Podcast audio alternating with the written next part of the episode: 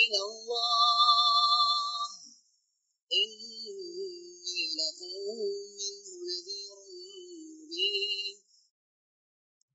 السلام عليكم ورحمة الله وبركاته.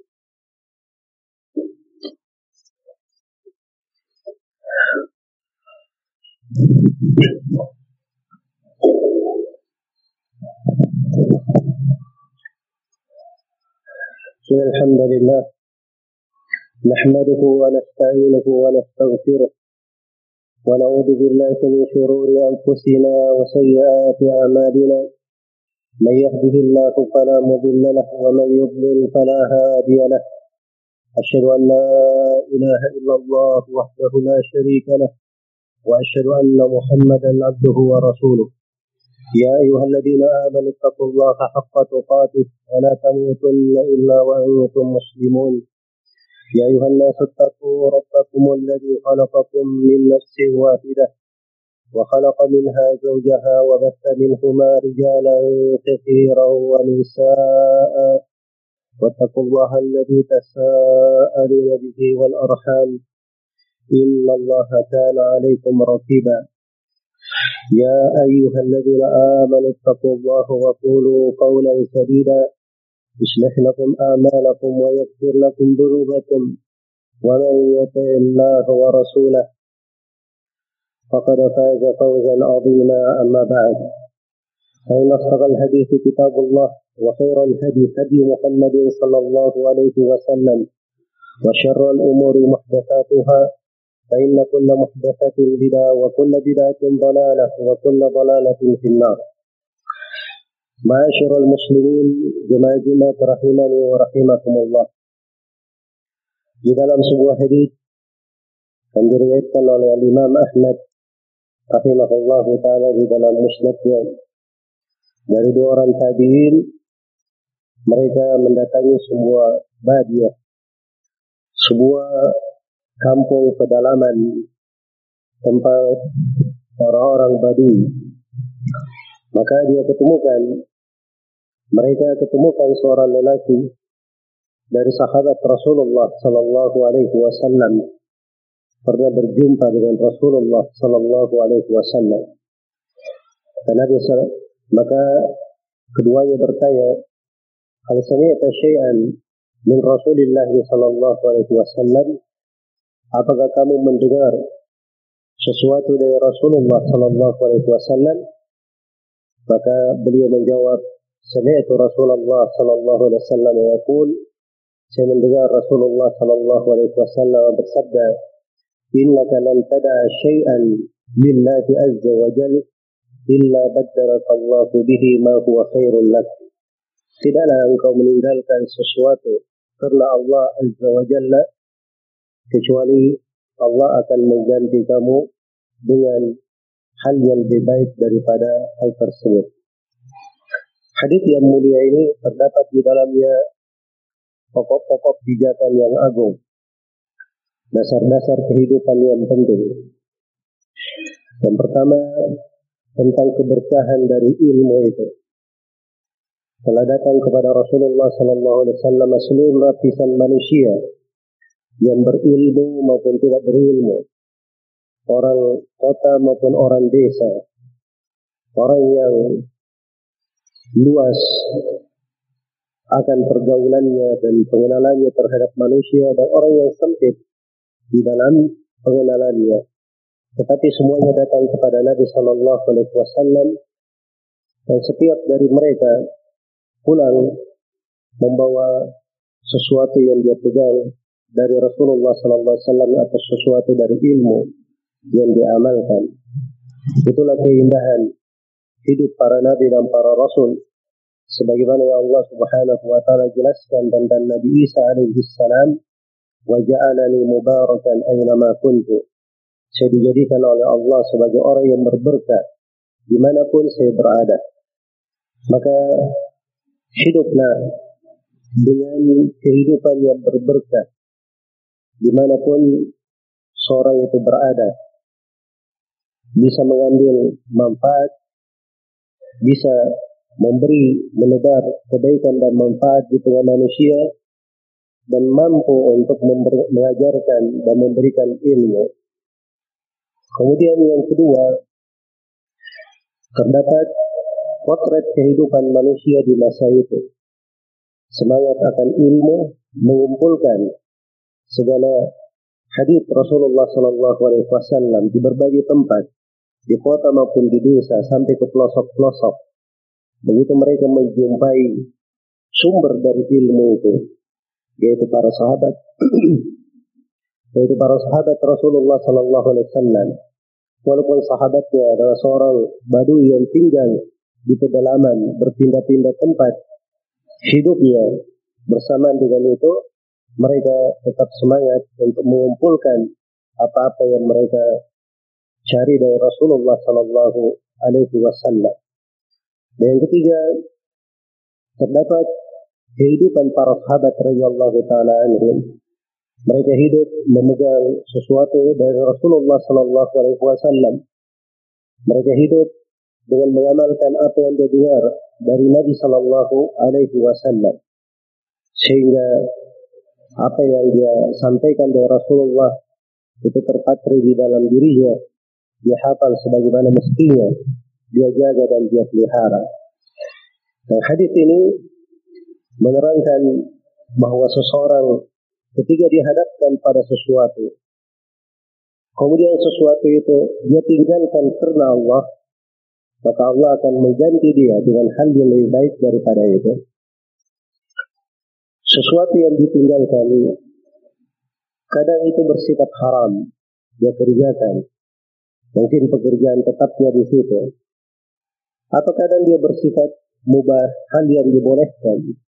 Tetapi ada halangan terhadap dirinya kalau mengerjakan hal tersebut bisa menjatuhkannya ke dalam perkara yang diharamkan atau perkara yang membahayakannya atau yang semisal dengannya maka dia tinggalkan hal tersebut karena Allah Subhanahu wa taala maka Allah Subhanahu wa taala menjamin Rasulullah sallallahu alaihi wasallam menjamin illa Allah bihi ma huwa khairul laka min kecuali Allah Subhanahu wa taala akan mengganti kamu dengannya dengan sesuatu yang lebih baik daripada itu.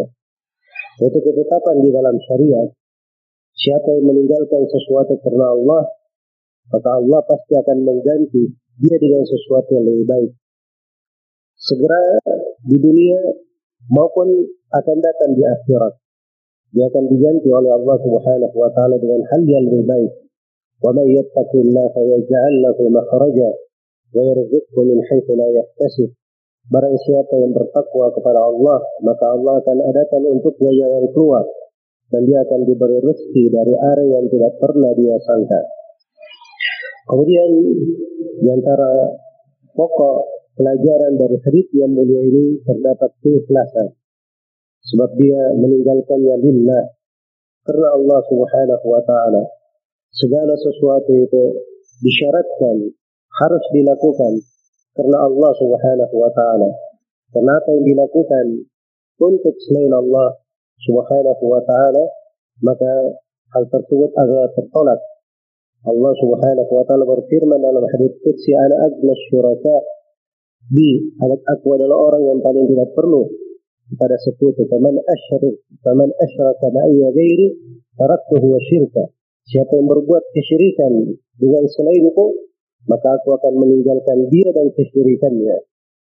Ketika dia melakukan meninggalkan sesuatu karena Allah, maka Allah Subhanahu wa taala akan mengganti dia dengan sesuatu yang lebih baik daripada itu. Dan terdapat bahwa hal-hal yang dianjurkan di dalam syariat, perkara-perkara yang diberikan di dalam tuntunan agama, itu ujungnya kembali kepada kebaikan. Sebab agama ini datang untuk mewujudkan maslahat atau menyempurnakannya. Dan agama ini datang untuk menghilangkan mafsadat atau menguranginya. Karena itulah tuntunan-tuntunan syariat berputar di atas hal ini.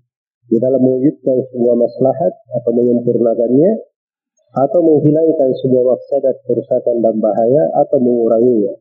Semoga Allah subhanahu wa ta'ala selalu menjadikan kita semua sebagai orang-orang yang tunduk kepada perintah dan apa yang dituntunkan dan semoga kita semua dijadikan sebagai orang yang menapati apa yang diajarkan oleh Rasulullah sallallahu alaihi wasallam. Aqulu ma tasma'un barakallahu li wa lakum fil Qur'anil 'azim wa nafa'ani wa iyyakum bima fihi min al-ayati wadh-dhikril hakim wa taqabbal Allahu minni wa minkum tilawatahu innahu huwas samiul 'alim.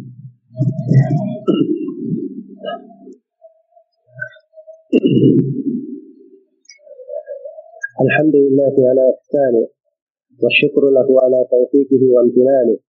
أشهد أن لا إله إلا الله وحده لا شريك له تعظيما لشأنه. وأشهد أن محمدا عبده ورسوله الداعي إلى رضوانه. صلى الله عليه وعلى آله وأصحابه وإخوانه أما بعد. Di antara pokok pelajaran yang paling besar, yang paling berharga ya, dari memahami hadis-hadis Rasulullah Sallallahu Alaihi Wasallam adalah memetik darinya jenjang-jenjang penghambaan, pokok-pokok serta kaidah-kaidah ibadah kepada Allah Subhanahu wa taala. Karena kita semua dasarnya dicipta di atas kehidupan ini untuk beribadah kepada Allah Subhanahu wa taala. Wa ma khalaqatul jinna wal insa illa liya'budun. Tidaklah aku menciptakan jin dan manusia kecuali untuk beribadah kepada aku. Dari jenjang penghambaan di hadis yang mulia ini terdapat keikhlasan kepada Allah Subhanahu wa taala dan terdapat mutaba mencocoki perintah. Dia berhenti pada apa yang diperintah, mengambil apa yang diperintah dan meninggalkan segala sesuatu yang dilarang karena Allah Subhanahu wa taala dari pokok penghambaan di dalam hadis yang mulia ini adalah al-khudu wa taslim. Adalah tunduk dan berserah diri kepada Allah Subhanahu wa taala. Apa yang ditentukan oleh Allah, apa yang ditakdirkan oleh Allah Subhanahu wa taala di kondisi apa pun, dalam keadaan senang maupun dalam keadaan sempit, di kondisi lapang maupun di kondisi kurang dalam kondisi sehat afiat ataupun di kondisi telah terjadi wabah ada ancaman dia mempunyai ketundukan kepada Allah Subhanahu wa taala riba dan sabar terhadap apa yang Allah Subhanahu wa taala telah tetapkan. Maka itu makna seseorang yang meninggalkan sesuatu karena Allah. Dia tinggalkan sesuatu karena Allah Subhanahu wa taala. Dan dari pokok perhambaan dan keimanan adalah keimanan kepada takdir Allah Subhanahu wa taala. Dan seorang mengambil sebab-sebab di dalam hal tersebut tetapi dia imani seluruh hal tersebut dari Allah Subhanahu wa taala. ثم اعلموا رحمكم الله إن الله أمركم بأمر بدأ به بنفسه وثن بملائكته المسبحة بقدسه فقال جل من قائل إن الله وملائكته يصلون على النبي يا أيها الذين آمنوا صلوا عليه وسلموا تسليما اللهم صل وسلم على رسولك ونبيك محمد وارض اللهم عن خلفائك الراشدين أبي بكر وعمر وعثمان وعلي وعن الصحابة أجمعين وأن معكم بفضلك وجودك وإحسانك يا أرحم الراحمين. اللهم اغفر للمسلمين والمسلمات والمؤمنين والمؤمنات الأحياء منهم والأموات إنك سميع قريب مجيب الدعوات ويا قاضي الحاجات. اللهم إنا نسألك العفو والعافية في الدنيا والآخرة. اللهم إنا نسألك العفو والعافية في ديننا ودنيانا وأهلنا وأموالنا. اللهم استر عوراتنا وآمن روآتنا. اللهم احفظنا من بين أيدينا ومن خلفنا وعن أيماننا وعن شمائلنا. ونعوذ بك أن نغتال من تحتنا. اللهم ظلمنا. اللهم اغفر اللهم اللهم آمنا في أوطاننا. اللهم آمنا في أوطاننا وأصلح ولاة أمورنا.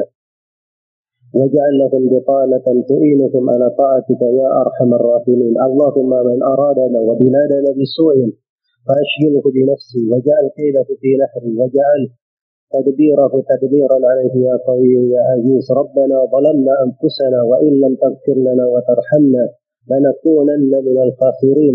ربنا اغفر لنا ولإخواننا الذين سبقونا بالإيمان. ولا تجعل في قلوبنا غلا للذين آمنوا. ربنا إنك رؤوف رحيم. ربنا آتنا في الدنيا حسنة وفي الآخرة حسنة وقنا عذاب النار. عباد الله إن الله يأمر بالعدل والإحسان وإيتاء ذي القربى وينهى عن الفحشاء والمنكر والبغي. يعظكم لعلكم تذكرون. فاذكروا الله العظيم الجليل يذكركم واشكروه على نعمه يزيدكم ولذكر الله أكبر والله يعلم ما تصنعون